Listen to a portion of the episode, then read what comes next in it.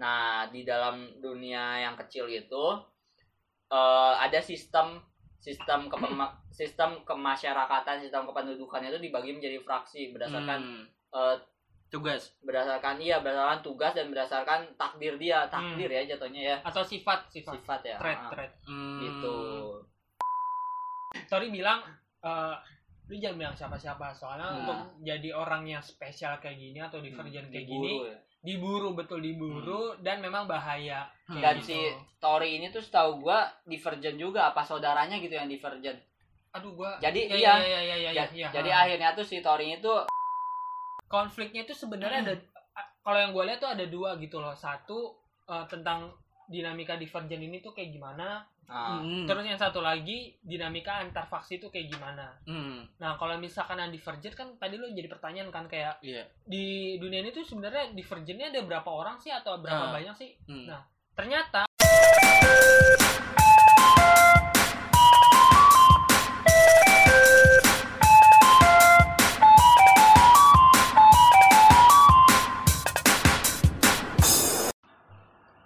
Selamat datang di Mapa Mari pada baca. weh lu nggak weh lu Ini adalah episode Weh. kita yang terbaru. Ya. weh weh weh Weh. weh gue dibully mulu anak baru harus bilang weh dong ini Iya, weh. tradisi Weh, weh. Nah, gitu Weh. Ini adalah rekaman yang kesekian ya, yang terbaru. Ya. rekaman kedua Iwin ya rekaman kedua Iwin. kemarin udah sempat dikenalin belum dia kemarin kan gue nggak ikut Udah, udah sempat. Oh, udah. siapa sih Iwan emang des Iwin itu adalah sosok di balik apaan? Microblog. Microblog, microblog. desain desain mikro Desain- desain microblog. dia nggak pernah bikin tulisannya iya betul Coba Berangkat. desain microblog doang. nah masuk Iwin Ini kenapa akhir-akhir ini nggak ada microblog karena Iwin nggak nggak bikin-bikin. kurang ajar emang. kurang ajar Dasar pemalas Ya kamu. buat penggemar mikroblog mari pada baca chat aja Iwin nih emang asuh. Ada aja. Mari ini kita mau ngomongin apa lagi sih? Ella, gue mulu diajak. Ini Gila anjing dua kali. Baru dua kali lu baru diajak. Eh btw sebenarnya kita kan podcastnya namanya mari pada baca ya. Jadi Hmm. kita nggak pernah campaign ngajak mari pada baca orang cuy. Oh iya, Ya, kita coba di campaign, ayo. Campaign. Baca anjing. baca nggak lu? Nggak jelas. itu kayak Nyesel ajak gue. Nyesel gue ke depan layar. Aneh banget, aneh. itu campaign break ajak. Baca nggak lu? Baca, baca. Kalau nggak gua gedik lu. Aneh, aneh banget, aneh banget. Salah Ikro. Ik- ikro baca lah, ikro. Salah. Ikro ya ayuhal walad. Nah. salah nongkrong gue. Oke oke. Bahas buku apa kita? Ya lu dong. Oh kan? iya, makanya lu mau Oh iya, sebagai penceritanya kali ini ada podcaster yang sudah melanglang buana ke mana-mana lah, ya kan sudah berpengalaman, bacanya banyak. Hmm. Iwin, Makasih. Makasih, Gonde. Dia baru rekaman sekali doang. Lo, lo memang visioner. Tahu mana yang bagus, mana yang enggak. ada penceritanya, ada Rega, Eh, halo. dan Ya. ada Iwin. Mereka gitu aja emang Iya, Enggak, iya. enggak spesial ya. Gak spesial. dan pemandunya gua sendiri. Gondes. Oke, halo guys. Hai. Jadi bertema sesuai spesialisasi Iwin, Wah. science fiction. Science fiction. fantasi, Novel, novel-novel fantasi, science Nah, fiction. kebetulan kan emang gua eh menyeimbangi yang lain ya. Bisa, bisa ngikutin Iwin juga. Kayak Style gitu. orang tua intinya style orang tua. Orang zaman dulu. Nah, aku baca juga buktinya science fiction, bro. Bintang bintang pustaka atau nggak bintang pustaka. Jadi mau bahas buku apa Iwin? Kita hari ini mau bahas buku yang udah difilmin juga ya cuy. Hmm. Hmm. Yang Kucuk legendaris ya filmnya. seru juga sih. Filmnya asik juga. Ya Hmm. ada beberapa hal yang kita akan bahas tentang Divergent. Uh. Hmm. Apa tuh Des? Kok gua sih? Iya. Kenapa saya? Makanya lu Weh. makanya nanya apa aja. jangan Ya kan gua nungguin, kan gua nungguin lu udah kelar apa Oh. belum? Kenapa lu langsung babat? Eh, Jadi virgin apa Win? Nah, Di, di kaca ada kepanjangannya ya? Enggak. Jangan kasih ke gue gitu. ada ada Enggak mampu gue. Enggak mampu.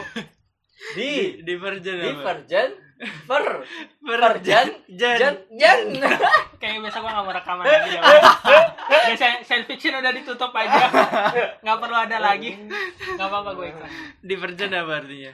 Divergent tuh ya nggak tahu juga ya. Divergent tuh kan artinya berbeda gitu lah ya. Hmm. Nah jadi Apaan aja berbeda artinya apaan ya aja? udah tapi tahap satu ini mantap. Kan kata lu divergent artinya beda. Ada Hmm. apaan aja emang artinya? Oh ada, nggak gitu cuy. Udah bahasa Inggris bro Enggak, Oh, enggak, enggak, enggak. Oh, artinya berbeda. Ah, ada Apa ada kok. aja sih? Beda-beda aja. A- Ada apaan aja? Hah, maksudnya beda-bedanya Udah bilang apa sih lu Katanya artinya berbeda.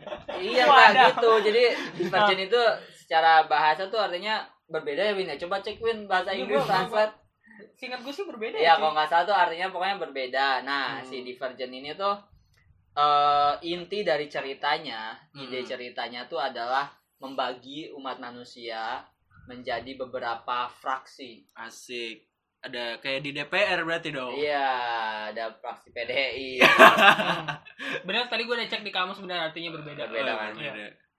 Ada fraksi apa aja selain PDI? nah di kalau divergent ini sebenarnya nggak masuk fraksi ya Win ya Hmm. Jadi kalau fraksi di dunia divergent ini, ini gua settingnya dulu deh. Kita Iya. kasih ceritain Ah. settingnya dulu. Settingnya di mana? Settingnya itu divergent itu masa depan. Jadi Hmm. masa depan di mana eh dunia itu udah hancur lah Hmm. karena apa? Karena perang atau karena segala macam teknologi. Hmm. Terus akhirnya eh oh, manusia umat manusia yang tersisa di membuat pagar. Hmm. Jadi membuat pagar dalam bentuk lingkaran. Intinya tuh jadi Pagar bintang 1 2 3 pagar kan? Oh ada.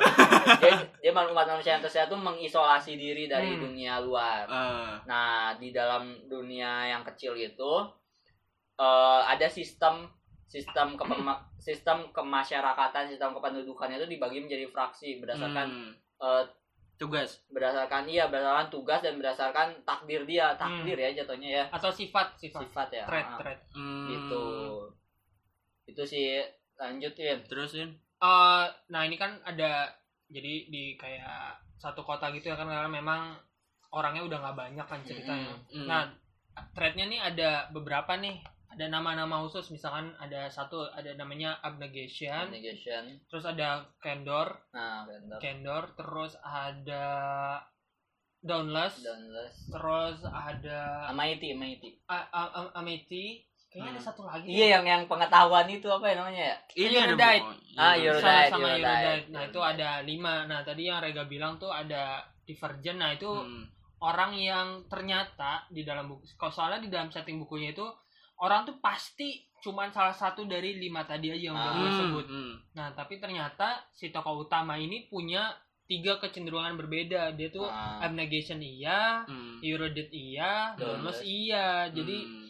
eh, ini ada tokoh yang di luar dari eh, faksi-faksi tadi namanya kan faksi kan Hmm. dari, dari faksi-faksi tadi jadi eh, nyeritain seputar perjuangannya dia nih Hmm. eh, sebagai divergent oh ya namanya divergent untuk orang yang Punya- ternyata punya trait lebih dari satu divergent trait dan itu sifat ya. ya sifat Hmm. Eh, dan ternyata orang yang punya eh, beda ini dia yang punya trait berbeda ini harus eh, apa bahasanya ya berbahaya gitu loh bagi Nah. bagi lingkungan soalnya eh, yang akan diceritain di dalam buku kurang lebih kayak gitu. Hmm. Jadi tuh kan ada ada lima fraksi kan. Nah. Berarti ada fraksi keenam nih, si Divergent. nah. Apa sama yang gak punya fraksi? Oh iya ada ada ada factionless juga kalau factionless Hmm. tuh ibaratnya orang-orang yang nggak semuanya gitu loh yang nggak lima limanya dia jadi ibaratnya tinggal di jalan. Sebenarnya Hmm. sistemnya hampir sama kayak sistem kasta di agama Hindu sih kalau gue lihat ya. Kan kalau kasta kan dia bertingkat. iya. Kalau ini eh, emang bertingkat gitu. Fraksi itu Sebenarnya kan apa setara? Sepengetahuan gue ya kasta ini gue nggak tahu ya eh, mungkin teman-teman ada yang bisa mengkoreksi nanti. Sepengetahuan kasta itu sebenarnya nggak nggak tingkat des, tapi Hmm. lebih ke profesi juga. Kan ada satria, Hmm. ada apa eh, Brahmana. brahmana itu kan Hmm. berdasarkan profesi tapi mereka punya eh, apa namanya eh harga harganya sendiri gitu Hmm. tingkatnya sendiri gitu punya nilai nilainya Hmm. sendiri sama kayak ini ini juga ber- dibagi berdasarkan profesi tapi kalau misalnya lu bilang tingkat abnegation di sini yang paling tinggi karena dia sebagai pemerintah Hmm. Si abnegation ini profesinya sebagai pemerintah PNS PNS-nya lah. ah Oh, PNS-nya Nah. si Kender ini ber- eh, berprofesi sebagai hakim Oh jadi pengadilan. nah jadi Hmm. tadi kan belum belum sempat ngejelasin ya si abnegation ini adalah orang yang punya kerendahan hati Hmm. selfless bahasa Inggrisnya nah, selfless Nah, nggak punya nggak punya diri bukan nggak punya diri tapi maksudnya dia tidak lebih, memikirkan lebih mementingkan kepentingan umum Ah. daripada kepentingan pribadi kan selfless yang Ah. seharusnya PNS begitu ya idealnya begitu tidak Nah. mementingkan golongan Iya. tidak mementingkan diri sendiri Ah. apalagi keluarga Iya. sampai bikin politik dinasti Wah, politik Waduh. oli samping mana nih nepotisme nah, emang kalau orang dulu bahasannya mau se fashion kayak gimana Tetap balik-balik ke situ lagi, lagi ya? balik lagi. Nah itu tadi abnegation tuh. Abnegation tuh yang tadi rendah diri selfless. Terus rendah yang- hati rendah apa? rendah rendah hati rendah diri rendah rendah hati. diri mah nggak percaya diri ya Betul. selfless. Terus yang kedua candor. Candor ini orang yang eh, yang terkenal dengan kejujurannya. Hmm, ih gua banget tuh. Terkenal dengan What? kejujurannya. Nah ini si candor. Jadi makanya dia kerjaannya hakim. Hmm, jadi hakim atau jadi ja- hakim. jadi yang yang Lukman Hakim namanya waduh Irfan Hakim waduh yang Irfan Bahdim Pal. yang bertugas buat memberikan judge lah pokoknya hmm. dia bersalah atau enggak terus yang kedua yang ketiga itu ada Eurodite Hmm. dia orang-orang cupu Orang jadi cukup. yang yang pengetahuan lah bagian teknologi dia ilmuwan nah ilmuwan. ilmuwan Ilmuwan. profesinya ilmuwan terus yang Amit keempat tuh ada Meiti ini Hmm. yang cinta damai Asik. dia tuh jadi tukang kebun Yoman, Yoman, Nah. Yoman santai tuh. Kalau dia intinya Woyo, orang-orang Woyo lah ya. ah, dia tuh, dia tuh jadi petani itu Ah. benar-benar yang yang cinta damai banget ah, enggak anti konflik lah hmm. Ah. dia jadi petani jadi tukang kebun Hmm. pokoknya yang yang kedamaian lah terus yang terakhir ini ada Dauntless Hmm. Dauntless ini tuh yang huru huru haranya Barbar, nah barbar. dia tuh sebenarnya kalau kalau di profesi dia sebagai keamanan ya Hmm. polisi, polisi tentara ah, polisi, Security. tentara, ya security. Hansip. gitu. Ah, ah. udah udah cukup cukup betul lagi mikir kan udah jangan jangan dipanjangin lagi ya gitu. Ah. itu sih jadi pro profesinya tuh kayak gitu dan Hmm. dan di luar Kayak situ- polisinya lah ya. Ah, ah. Betul. Hmm. Oh, gua ngelihatnya bener-bener kayak sistem kasta di Hindu ya. Mungkin Hmm. inspirasi si Veronica Roth ini ke situ juga ya. Apa janjian feodalisme? Oh, jadi ada ada fashionless, fashionless ini kan di Hindu juga ada tuh kategorinya paria. hmm. Paria tuh Fashionless. apa? Paria tuh yang Yang dikeluarkan punya- dari dikeluarkan dari. Dikeluarkan dari dikeluarkan dari kasta karena melanggar. Hmm. Itu dia disebutnya paria Hmm. gitu. Di situ yang apaan? fashionless. factionless Factionless nggak punya faksi. Keren sih. Tapi ada banyak tuh yang divergent. Apa udah ada yang divergent terus dihukum kayak gimana Nah. gitu? di bukunya setelah berangkat nih jadi buku Divergent ini ada satu orang namanya Tris Nah, atau Beatrice nah itu dia Tokoh tokoh utamanya seorang perempuan Hmm. nah Beatrice ini tuh Eh, gue mau nanya dulu deh Apa? sebelum itu deh. Kan ini kan apaan model pemilihan itu kan lu cocok di mana lu cocok di mana Betul. dia pakai tes psikologi wadaw tes enggak kepribadian gitu apa Wadaw. gimana ya ada kayak gue cocok Ah. gue cocok jadi dauntless apa jadi almighty gitu Hmm. apa jadi condor gitu Hmm, kan Kendor candor ya. jadi condor Susah. kayak gimana gitu ya ada jadi itu kalau tesnya itu Ah. di dalam buku sih untuk dia bagusnya ke mana nggak ada Hmm, jadi eh, si Beatrice ini hmm. atau Tris ketika ceritanya di dalam setting ini semua anak yang umurnya 16 tahun itu di tes psikotes iya dia tuh ada sejenis tesnya gitu Hmm. eh enggak tes sih tapi Dikumpulin. pakai darah pakai dikumpulin nah terus Hmm. eh, si anak ini diminta maju ke depan gitu soalnya dikumpulin di aula besar kayak gitu Hmm. nah nanti si eh, anak-anak yang berumur 16 tahun ini dipanggil gitu loh satu-satu ke depan Hmm. nah nanti dia ke depan itu memilih Hmm. untuk eh, masuk ke faction yang mana Hmm. misalkan eh, di dalam buku ini si Tris ini dia tuh dari abnegation tadi kan dari Ah. selfless tadi Ah, ah. dia ke depan ah, akhirnya dia nentuin buat masuk ke downless Hmm. kayak gitu Oh, pakai jadi darah nggak- nggak sih, jadi- jadi- gua? nah ya eh, setiap pemilihannya itu tuh ada simbolisnya gitu loh Ah, kayak perjanjian gitu Eh, bukan perjanjian ya tapi kayak misalkan kalau untuk mau masuk downless Hmm. dia harus eh, kan tangannya diiris gitu kan Ah. untuk ngeluarin darah karena kalau misalkan dia memilih downless eh, tetesan darahnya tuh harus ditumpahin ke batu bara Hmm. Terus kalau misalkan ke Eurodate ke mana gitu misalkan. Ah. Nah terus itu masing-masing tuh punya simbolnya masing-masing gitu loh. Hmm. Nah sebelum masuk ke sini Hmm. ada tuh tes. Nah Hmm. kayak misalkan untuk untuk tahu nih dia tuh semacam kepribadiannya tuh yang kayak gimana sih yang kayak bahasanya kayak te- tes psikotes gitu deh. Nah Hmm. dia eh, jadi ketika anak-anak 16 tahun ini tuh mereka masuk ke dalam tes kayak gitu kan Hmm. Hmm. tesnya itu tuh dilihat gitu loh isi otaknya kayak gimana Hmm. nah di di di, di dalam situ diceritain dia kayak masuk ke dalam mimpi gitu Ah, iya iya. suruh uh, mengatasi rasa takutnya masing-masing Hmm. terus dilihat juga kecenderungannya dia tuh orang yang kayak gimana segala macam Hmm. Nah, ketika si Tris ini uh, kenapa dia divergent suruh itu nggak tes warteg nggak waduh enggak dong yang Nah. suruh gambar gambar gambar orang pohon gitu nggak ya enggak, Cu? enggak, enggak, itu mau masuk PNS tadi enggak enggak nah kalau misalkan di situ tuh uh, apa namanya si Tris ini ternyata kecenderungannya ada tiga tadi yang udah gue Hmm, sebutin dia tuh ah. ada abnegation ada download sama iridate soalnya dia melakukan sesuatu yang nggak normal gitu Hmm. atau sesuatu yang di luar biasanya anak-anak 16 tahun lakuin Hmm. Kayak misalkan dia bisa mecahin kaca yang seharusnya kacanya nggak pecah Hmm. Eh, dia bisa pokoknya hal-hal yang memang di luar biasa gitu loh Ah. hal-hal yang nggak biasa bisa dilakuin kayak gitu Hmm. nah nah begitu ketahuan ya keluar Hmm. hasilnya dia seorang divergent si pengetes yang namanya Tori Ah. dia bilang ke Tori Sudi Tori Sudiri gitu. Coba terus deh, coba terus. Tori bilang eh lu jangan bilang siapa-siapa soalnya Nah. untuk jadi orang yang spesial kayak gini atau divergent kayak gini Diburu ya. diburu betul diburu dan memang bahaya Hmm. Dan Kayak si gitu. Tori ini tuh setahu gua divergent juga apa saudaranya gitu yang divergent.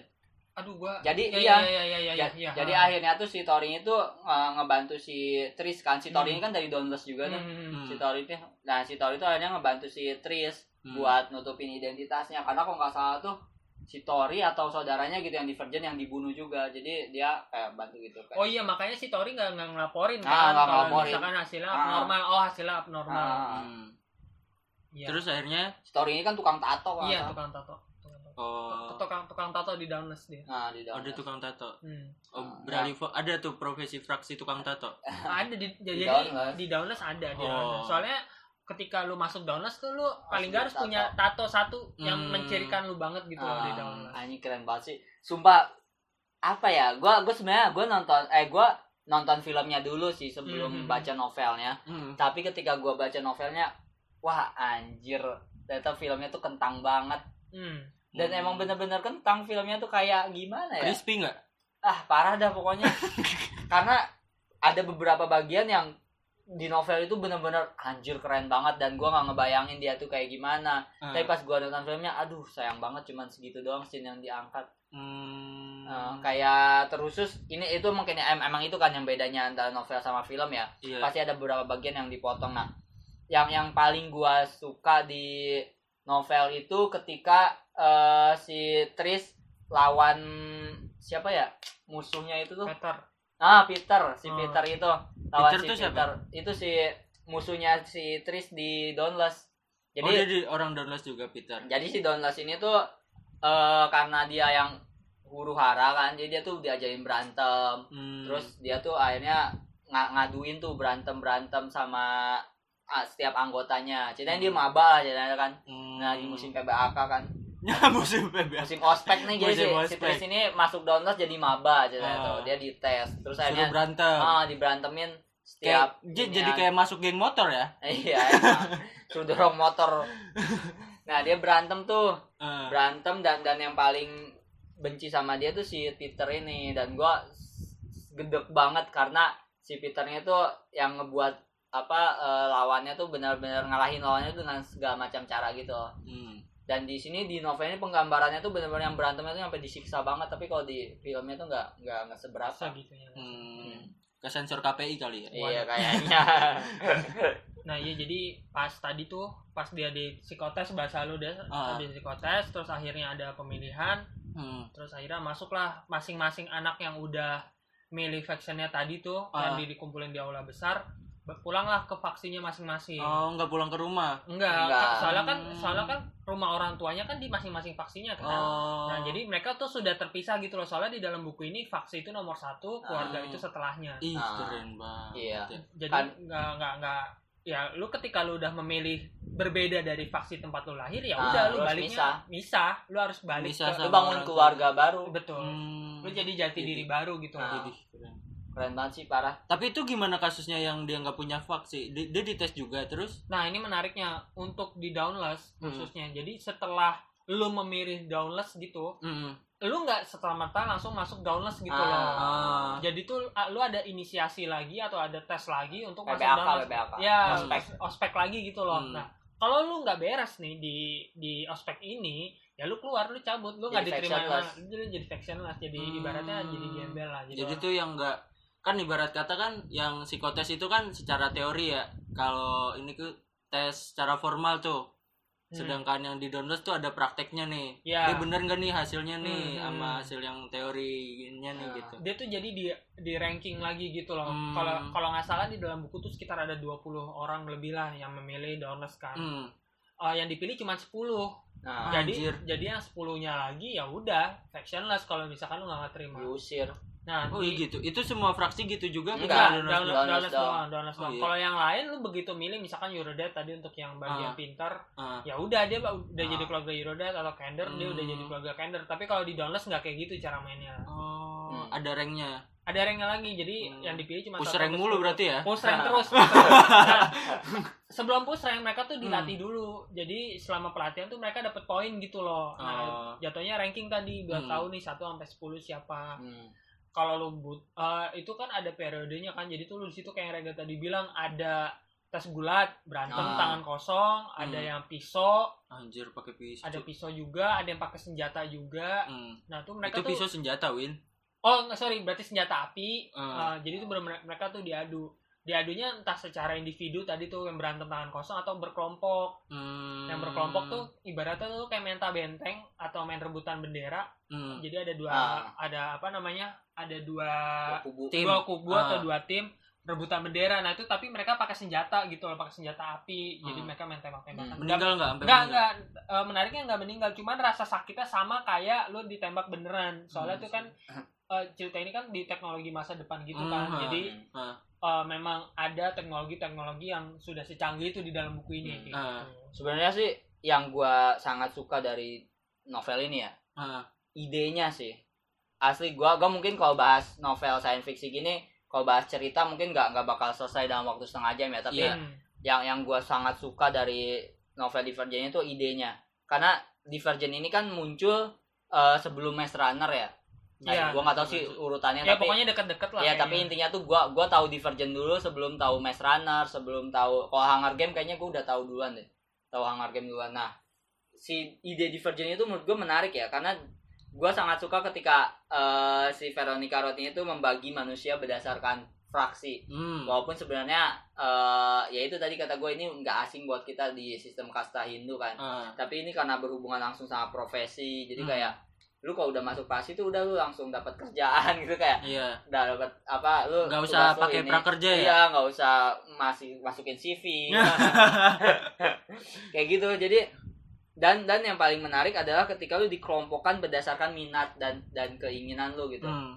dan emang eh, apa cara berpikir lu kan Hmm. jadi mengelompokkan itu walaupun pada pada di endingnya eh, sistem itu ternyata sistem yang salah ya kan itu Hmm. cuman buat uji coba Hmm. spoiler di buku selanjutnya lah kayak gitu Tapi kalau misalnya kalau misalnya ada fraksi-fraksi di dunia nyata lu milih fraksi apa?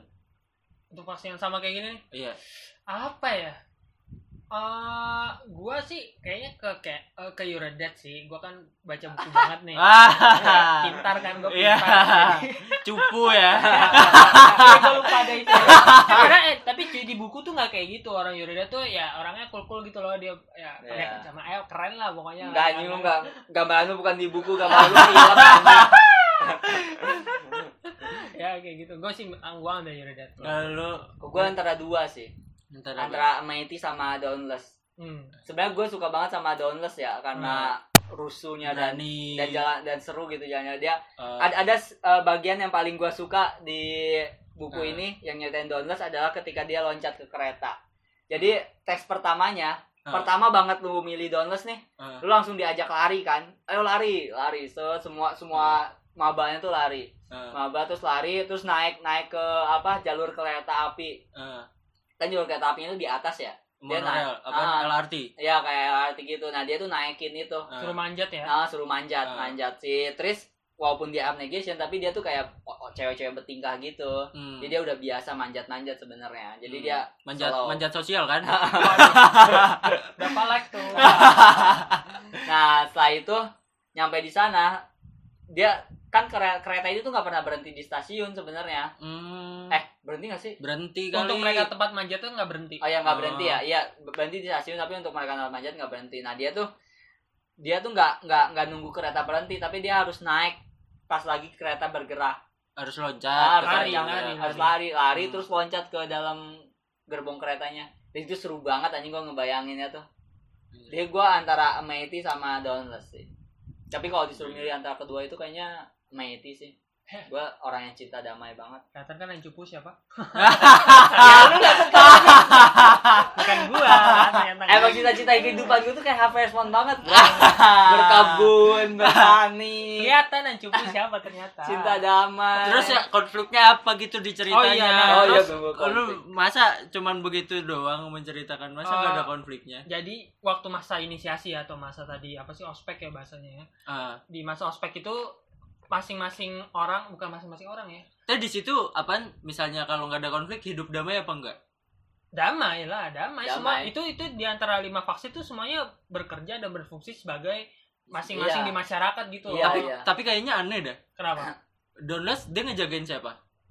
ngejaga ya me- Ngejaga- menjaga perdamaian kalau misalkan di buku tuh Ah. dia ngejaga supaya factionless tuh kalau untuk yang bagian penjagaannya Ah. nggak macem-macem ke daerah-daerah faksi-faksi lain gitu loh Oh dia Dia- ngejagain khusus buat factionless. Iya, nggak semuanya. Jadi di dalam masing-masing faksi itu Hmm. ada pekerjaan-pekerjaan lain gitu loh. Ada pekerjaan-pekerjaan lain kayak misalkan tadi si siapa Tori kan dia tukang tato nggak jaga. Nah, Hmm. Jadi memang bukan berarti dia masuk downless terus langsung otomatis jadi tukang jaga doang enggak Hmm. tapi sebagian besar atau memang primary jobnya itu memang sebagai penjaga Hmm. kayak Ah, gitu. Jadi ada yang kerjain ini lu ngerjain ini lu ngerjain ini lu ngerjain ini. Beda-beda. Dan emang gue tahu sih arah lu ke mana sebenarnya. Dan emang emang di ini kan eh, si Dauntless ini juga ngejaga perbatasan. Betul. Dan itu menarik banget sih. Jadi nah itu itu sebenarnya eh, salah satu pertanyaan ya. Ketika lu baca ini mungkin Hmm.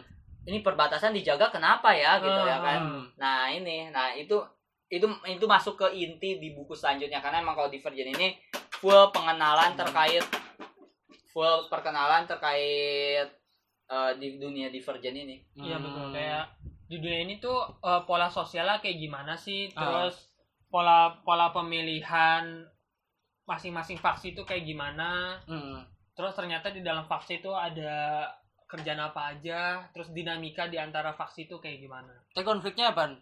Bukan konflik kepentingan masalah duit kan?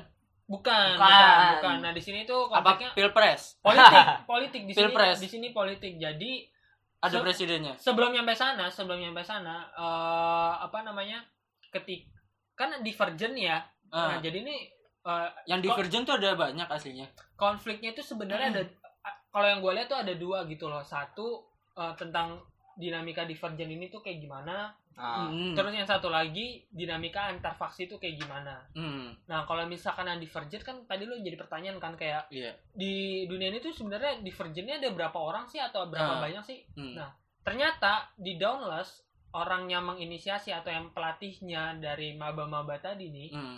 ternyata divergent juga C4 Hmm. ya si Four betul Ah. nama tokonya Hmm. Four Ah, tapi dia selama ini juga nutup-nutupin aja Ah. karena memang Hmm. ya selain dia juga petinggi di Ah. Dauntless dia tuh nggak pengen ada ribut lah nggak perlu dia ada ribut-ribut segala macam Divergent dia juga nggak terlalu kuat iya Ah, betul betul Hmm. dia cuman berapa persen gitu cuma berapa persen aja nggak sebanyak Tris setahu gue Hmm. sih kayaknya Four itu dia tuh cuma punya dua faksi tapi kalau si Tris tuh sampai tiga faksi Hmm. gitu lah Ah. berbedanya Ah.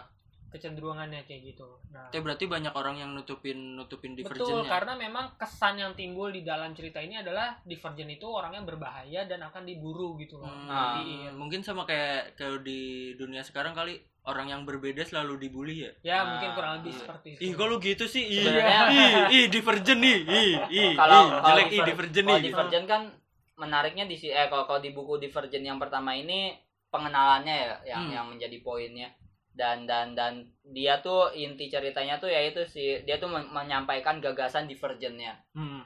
nah dan, dan pengelompokan fraksi nah kalau nanti selanjutnya nih yang eh, spoiler aja yang selanjutnya kan yang insurgen ya Hmm. nah insurgen ini tuh eh, yang yang menariknya tuh adalah ketika muncul sosok factionless ya Eh, factionless tuh insurgen ya Win ya Iya. nah factionless factionless itu tuh menggaungkan suara revolusi Anjay.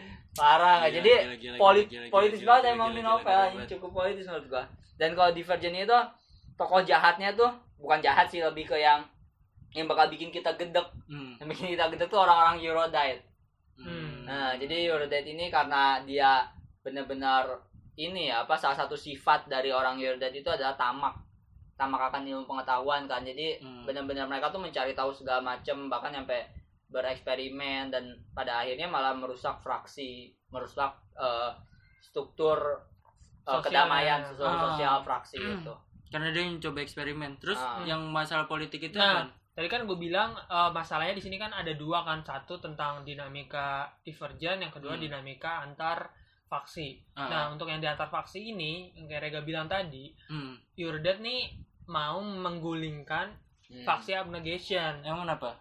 Kan pemimpinnya abnegation karena Kenapa karena Kenapa? pemimpin PNS tadi yang gue bilang jadi itu di pemerintahan itu kan yang megang abnegation kan Iya. karena mereka selfless tadi kan tidak Ah. mementingkan diri sendiri tapi kepentingan umum Ah. Nah, eh, di dalam ceritanya si orang Yuredet ket- terutama pemimpin Yuredet itu mau menggulingkan pemimpin dari abnegation tadi karena merasa udah nggak cocok nih atau eh, ada yang nggak sesuai dengan kebutuhan Yuredite. Hmm. Eh, cara ngenggulinginnya tuh dia juga ada dua lagi. Yang pertama dia pakai eh, isu, yang Iya. lempar isu. Yang kedua Asik. pakai propaganda ya. Betul pakai propaganda.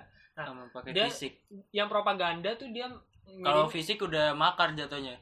fisik tuh perang malah jatuhnya Iya, udah, makar. udah udah Ah. luar biasa lagi di yang apa namanya Propaganda. propaganda eh, dia bilang kayak gini propaganda yang dilempar ketuanya dulu ketua abnegation ini ketua pemerintahan itu Hmm. Korupsi. punya anak nggak korupsi Oh. punya anak tapi anaknya di abuse abuse itu apa bahasanya ya? Eh, pelecehkan bukan dileceh kayaknya Dibuang. pelecehan anjing abuse Dibuang. itu dipeleceh bukan Iya. berarti kayak disiksa tuh apa ya Iya, abuse. Iya, abuse Iya, juga kan ya pokoknya dia dia ada abuse. oh iya physical Kasih abuse kekeras, kalau nah. kekerasan. Jadi Disiksa. anaknya disiksa segala macam. Nah, Itu cara propagandanya. Nah, kalau Hmm. misalkan yang kedua dia ngirim pasukan perang nah, untuk ngejatuhin abnegation. Nah, menariknya adalah si Eurydice enggak ngirim pasukan dari orang Eurydice, tapi dia ngirim dari mana? Dauntless. Dari orang Dauntless. emang politis si Eurodate ini ya walaupun Karena Eurydice bukan cupu. Karena. Eurydice itu Jadi, tamak tadi yang Enggak, dibilang. kenapa dia licik, licik, ten- lebih tepatnya. tentaranya tentaranya dari Donald Dia- karena dia tahu dia Iya. koalisi dia koalisi sama Dauntless Ah. dia tahu apa yang dibutuhkan sama Dauntless apa yang diinginkan sama Dauntless akhirnya eh, ya gagasan-gagasan si Eurodate ini di- diberikan ke orang-orang Dauntless dan Dauntless setuju akhirnya dia ber apa namanya ber eh, koalisi tadi. koalisi Hmm. Tapi kenapa yang nggak disingkirin ketuanya doang? Kenapa sampai satu fraksi yang disingkirin? Nah karena kan tadi kan kan namanya juga orang kerja kerja nggak mungkin pemimpinnya doang dong tapi kan juga ada anak buahnya kan nah, Hmm. jadi dia sekalian mau ngilangin aja lah nih semua faksi-faksinya sekalian gitu loh Hmm. Jadi eh, si orang Eurydice ini dia ketuanya eh, kayak nyuntikin serum Hmm. serum gitu ke orang-orang Dauntless Hmm. nah serumnya ini udah disuntikin tuh kayak semacam ngehipnotis gitu loh Ah. Iya. ngehipnotis orang-orang Dauntless supaya datang ke faksinya si Abnegation. Tadi Ban- nyerang, ngebantai segala macam. Nah menariknya, nah ini gue balik lagi nih ke dinamika orang Divergent. Hmm. Orang Divergent ketika disuntik ini nggak mempan cuy. Hmm. Jadi- ya ketahuan dong. Kenapa? Ketahuan dong. Nah tapi ini dia si Tris. Si Tris ini dia berusaha untuk play along gitu loh. Play along tuh maksudnya pura-pura jadi robot juga gitu loh. Soalnya Hmm. untuk orang-orang Dauntless nih yang yang udah disuntik serum tuh mereka udah kayak robot gitu loh. Iya. Mereka Ah. baris panjang, Hmm. mereka nurut. bunyi tiu wiu, Oh, nggak gitu. Gitu. mereka tuh baris panjang Ah. terus mereka juga apa namanya nurut semua gitu loh di, Hmm. sama sama kontrol dari jauh gitu loh jadi Hmm. kontrolnya lewat radio semacam gitulah Hmm. Eh, dia pura-pura segala macam nah udah tuh mulai berjalan waktu mulai eh, kelihatan nih eh, sebelumnya Divergent tuh siapa aja orangnya misalkan kayak Ford tadi Ah. nah pas eh, di pertengahan jalan akhirnya si Tris ini ikut juga kan ke abnegation Iya, ikut ke abnegation yang bareng buat Thor buat apa ngancurin abnegation. betul buat ngancurin abnegation akhirnya eh, dia ngelihat nih ternyata abnegation tuh dihancurin segala macam Hmm. segala macam nah di sini yang menariknya adalah ketahuan. Ternyata ibunya dari Tris adalah seorang divergent juga. Anjir. soalnya ibunya nggak kena. Eh soalnya ibunya ngasih tahu di, di di pertengahan jalan gitu loh. Ibunya ikut perang lawan si Dauntless tadi Eh, Hmm. kan kalau orang-orang abnegation oh ya orang-orang abnegation tuh bajunya abu-abu Ah, pokoknya serba mod modesty gitulah Hmm. kayak Emang nyokapnya ini ya? nyokapnya juga cuy Setahu gue bukan cuy. Jadi nyokapnya ini ini apa sih? eh Lah, nyokap gimana sih lu baca buku yang sama? nyokap ntar, kan udah agak lupa. Nyokapnya tuh dari Dauntless. iya nyokapnya dari Dauntless kan Dari bukannya Dauntless. diceritain juga kalau nyokapnya Enggak ah, setahu gua. divergent juga Enggak seingat gua enggak ya. Tapi gua lupa apakah itu. ya di- juga lupa sih gue Nah. lupa sih gue lupa sih Gua lupa. Eh, Tapi gue ingat, gue sa ingat. Oh, sa- ada. sepengetahuan gua tuh nyokapnya Dauntless. Nah, bokapnya itu dari Eurodite. oh gitu ya Iya, gue gue gue lupa cuy. Bokapnya dari Eurodite, nyokapnya dari Dauntless. Makanya kenapa si Four eh adiknya si Caleb Iya si Caleb ini ada Calebnya itu si saud- Caleb tuh saudaranya saudara kembarnya si Tris kembar nggak sih kembar ya ya kembar kembarnya si Tris si Caleb ini ke Eurodite si Tris ini ke Dauntless Hmm. gitu dan oh, ini sih mungkin yang ag- ag- agak kita balik ke belakang nih menurut gue yang yang menarik lagi dari sistem fraksi ini tuh jadi ada pantangannya Apa tuh? setiap fraksi tuh punya pantangan Hmm. abnegation nih lucu pantangan yang nggak boleh ngaca ngacanya tuh cuman boleh seberapa bulan sekali gitu ya Win ya kalau mau potong rambut dong nah kalau mau potong rambut doang dia nggak boleh Emang ngaca kenapa nggak nggak boleh Karena ngaca? ketika lu ngaca tuh lu mengagumi diri sendiri. Hmm. Saking selfless Ah, gitu saking selflessnya. Ah, lu nggak Dan- boleh lu mengagumi diri sendiri. Ah, dan Nggak boleh gaya ujub, Ah. nggak boleh sombong ria gitu. dan nggak gaya boleh. berpakaian lu Itu tuh bikin penyakit hati ga. Iya. Udah kurang-kurangin ngaca ga. Makanya sebenarnya salah tuh orang kalau bilang ngaca lo. Salah. Padahal nggak boleh. Oh, nggak boleh ngaca. Nggak boleh sering-sering ngaca. Justru kalau kalau lu ngaca lu jadi sombong kan. Hmm. Orang-orang yang sombong kan suka diomongin ngaca lo biar nggak sombong gitu kan. ya apa Padahal- sih Padahal justru kalau makin- ngaca jadi makin sombong. sombong. Ah, gue Gue ganteng. gue jelek banget nih hari ini saya jelek sekali. Nah itu kalau eh, kalau Kender itu kan nggak boleh bohong, benar-benar nggak boleh bohong tuh. Hmm. Kalau siapa? Kalau bohong hidungnya panjang. Kalau Almighty itu nggak boleh berantem, benar-benar nggak boleh. nggak boleh berkonflik sama boleh sekali lah berkonflik. Hmm. Dan si siapa namanya? Si Abnegation itu gaya berpakaiannya aja udah cuman satu doang gitu. Jadi udah khas. Pokoknya kalau ada orang Abnegation tuh lu udah tahu langsung. Hmm. Dia bukan cuman dari warnanya tapi kayak gaya berpakaian hijab banget lah pokoknya. Ih, emang Tertutup hijab banget. ya? Ah, Ah. tertutup banget. ini modesty gitu lah modesty Nah, kalau cewek tuh benar-benar tertutup cuy, tangan panjang, Hmm. celana pa pakai rok kalau di rok. film ya, di film Hmm. digambarin kayak gitu. pakai roknya juga semata kaki Ah. terus perempuan-perempuannya juga nggak ada yang digerai rambutnya Ah. dikuncir semua Iya. Hmm. Itu kalau kalau kalau si Tris beragama pasti pakai hijab. Terus konfliknya gimana lagi sih Yurdet ini? Kenapa dia itu? Dia mencari apa sih?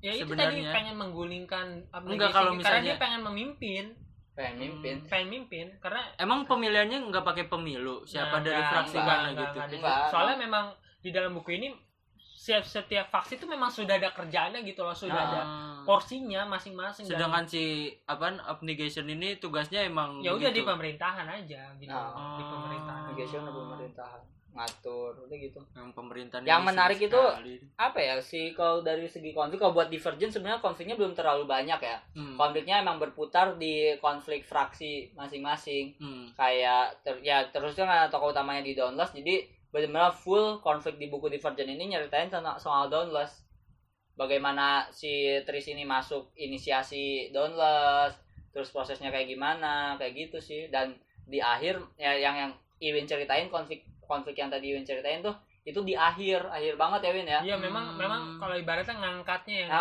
ngangkat dari Oh. situ nah Ngang- ngangkatnya di situ pas masuk Insurgent baru tuh Insurgent baru udah masuk ke konflik-konflik konflik segala macam nyeritain. itu. Kalau nggak salah, yang paling besar kalau nggak salah emang Divergent ini eh pembagiannya ya Divergent ini nyeritain soal fraksi konflik Hmm. fraksi di Insurgent itu nyeritain soal pro- konflik se sealam dunia itu. Sekota. Sekota. Salam dunia. Alam dunia dia cuma segitu ceritanya. Sekota. Sekota itu itu pas insurgen itu udah mulai ngerjain itu yang tadi Iwin ceritain. Udah mulai ngebunuh-bunuhin abnegation Hmm. nyeritain eh, silsilahnya dan segala macemnya. Nah yang LA Giant LA Giant ini yang di terakhir itu dia benar-benar bagian nyeritain ini.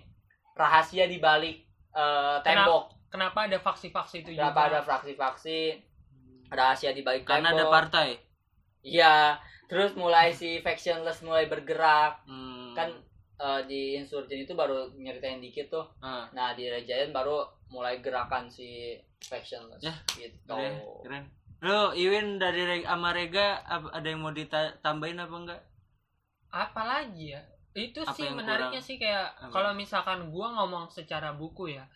Eh auranya tuh aura jenis ceritanya, jenis ceritanya tuh Hmm. mirip sama bukan jenis cerita ya, tapi kayak nuansanya, Hmm. nuansanya itu tuh mirip kayak Hunger Games, Hmm. terus kayak Maze Runner. Jadi kalau gua pribadi banget nih, gua Hmm. pribadi banget kayak oh ya udah tema kayak gini tuh nggak bikin amaze banget gitu loh kayak Hmm. ya udah udah udah udah udah Ya, ada udah lah sebenarnya. sebelumnya Hmm. apalagi memang Hunger Games tuh dulu rame banget kan jadi Hmm. kayak Ah. kayak misalkan ya, di mata gua yang gue lihat secara pribadi tuh kayak oh ya udah ini mah ekor-ekornya aja gitu Hmm. loh. Hmm. tapi ternyata di dalam ceritanya tuh juga menarik gitu loh walaupun sebenarnya endingnya agak-agak mirip juga sama kayak Maze Runner. Hmm. nah kayak gitu. Kalau di rating? Tapi Maze Runner bete gua. Ya. Ya nanti kita bahas itu buku Maze Runner. Kalau di rating Iwin Hah, dan kenapa harus baca buku ini? Kalau Divergent ya Divergent dia kan ada babnya ada berapa gitu gue lupa dia ada Hmm. ada. Pokoknya halamannya kan sekitar 480 halaman kan eh untuk ceritanya nih untuk orang yang nggak sabaran nunggu cerita action Hmm. menurut gua agak Ah. berat ngangkatnya Iya, iya, soalnya Hmm. ibaratnya dari halaman satu nih sampai halaman 300 itu belum ngangkat gitu loh konfliknya iya belum kayak konflik belum eh konfliknya masih tipis-tipis banget gitu loh nah Hmm. mulai 100 ke belakang tuh baru mulai rame gitu loh mulai seru Hmm. segala macem nah itulah kenapa gue akhirnya memutuskan untuk baca buku keduanya karena di halaman 100 terakhir tapi kalau misalkan lu memang seneng baca lu Hmm. bisa sabar gitu loh untuk cerita worth sih soalnya memang Ah. kenapa bisa lama itu karena diceritain secara detail gitu Hmm. loh kayak Ah. misalkan kayak latar belakangnya latar dulu belakangnya jadi lu sejarah sejarahnya dulu ya sejarahnya latar, diceritain latar belakang landasan teori Hmm, pendahuluan pendahuluan itu bab Metodologi satu penelitian. itu bab satu itu bab satu tahu itu bab Nah, satu hasil itu lu bener-bener apa diceritain gitu loh di sana tuh tempat tinggalnya kayak gimana Hmm. terus perangnya kayak Ah. gimana berantemnya juga kayak gimana. Nah itu tuh kalau lu memang menikmati detail-detail kayak gitu buku ini seru banget. Nah. Jadi rating gua tuh dari 1 sampai 10 7,8 kalau lu gak kalau gua rating dan kenapa harus baca buku ini eh, hampir sama kayak yang Iwin omongin ya kenapa ah lu mah ikut ikutan oh, lu gak kreatif lu gak tapi, Tapi ini karena- Divergent ya nilai gua untuk Ah. Divergent ya bukan Ah. seri yang lain tapi karena Iwin ini gua setelah dengar alasan dia Iwin itu kayaknya tipe orang yang mencari konflik dalam nah beda jadi perbedaan kan gua- wallahul muwafiq ila aqwamit thoriq. Iya, nggak ada konflik gak menarik. nah, kalau Iwin kan nyarinya itu ya bagian berantem berantem dan segala macam. Kalau gue emang tipikal orang yang suka hal yang detail. Hmm. Jadi kenapa tadi tadi gue bilang gue suka banget sama konsepnya. Jadi Hmm. emang gue suka banget baca. Justru gue lebih suka Divergentnya daripada Insurgent sama LA Giant. Hmm. Karena gue lebih suka ketika eh, penulis ini menceritakan detail dari Hmm. latar cerita konsep dari dasarnya itu gue suka banget makanya gue malah eh, kebalikannya gue lebih eh, lebih ngasih nilai tinggi untuk Divergent dibandingin yang Insurgent sama LA Giant ya buat Divergent ini kalau nilai dari gue tadi Win 7,8 ya? Iya. berarti gue 8,5 eh iya 8,5 deh. Tinggi banget ya? Orang tua Cukup memang tinggi ya? lebih lambat kan tesnya kan. Ah. pelan harus di pelan pelan Harus itu ya, harus pelan-pelan. karena karena gue anak muda aja gue lebih suka Harus- detail. harus ditata gitu loh. Harus pelan pelan gue pengennya langsung klimaks sih Win. Nggak nggak nggak nggak ini jadi nggak seru buat dia kalau misalnya terlalu cepat. Nah, kalau gue suka detailnya, makanya kayak gitu. Jadi buat lo yang suka sekali sama hal-hal yang detail, konsep-konsep menarik dari sebuah gagasan, Asik. karena ini kan gagasan ya. Hmm. Divergent ini memberikan gagasan tentang masa depan. Hmm. Semua buku sains fiksi sih, semua buku sains fiksi kan emang memberikan gagasan terus yang berhubungan sama dunia modern gagasan Hmm. tentang masa depan nah kalau lu suka sama detail-detail bentuk gagasan kayak gitu menurut gue ini cocok banget sih apalagi ini kan detailnya detail gagasannya gagasan pemerintahan ya. Asik. Bagaimana mengelola sosial sebuah sosial masyarakat. masyarakat Ah, ya. gitu. Bagi anak kesmas tuh. Kesmas apaan? Kesehatan masyarakat. Apa hubungannya sama sistem Kesejahteraan, pemerintah kesejahteraan. Kesmas kesejahteraan? Iya, kesejahteraan masyarakat. Kesehatan apa kesejahteraan? Kesejahteraan. Kesmas kesejahteraan. Kesehatan aja ada enggak anjir. Kesehatan kocak. puskesmas apaan? Ada enggak ada ada ada fakultas eh ada jurusan kesmas di kan? Iya kan kan dakwah Itu tahun berapa? dakwah asu tahun berapa? udah udah Ada, udah kan? udah udah itu udah, tahun udah, tahun udah. 80 ada kese 90 ada kesejahteraan masyarakat ada Iya. tapi puskesmas apa ya pusat kesejahteraan. Ah, kan ada kesejahteraan Iya kan? juga. bodo Bukan, amat kagak puskesmas kagak apa? ada KBBI anjing tentang singkatan singkatan cuy itu Ada. manusia yang bikin anjing ada ada masih Udah ada besok gua gambar lagi aja lah.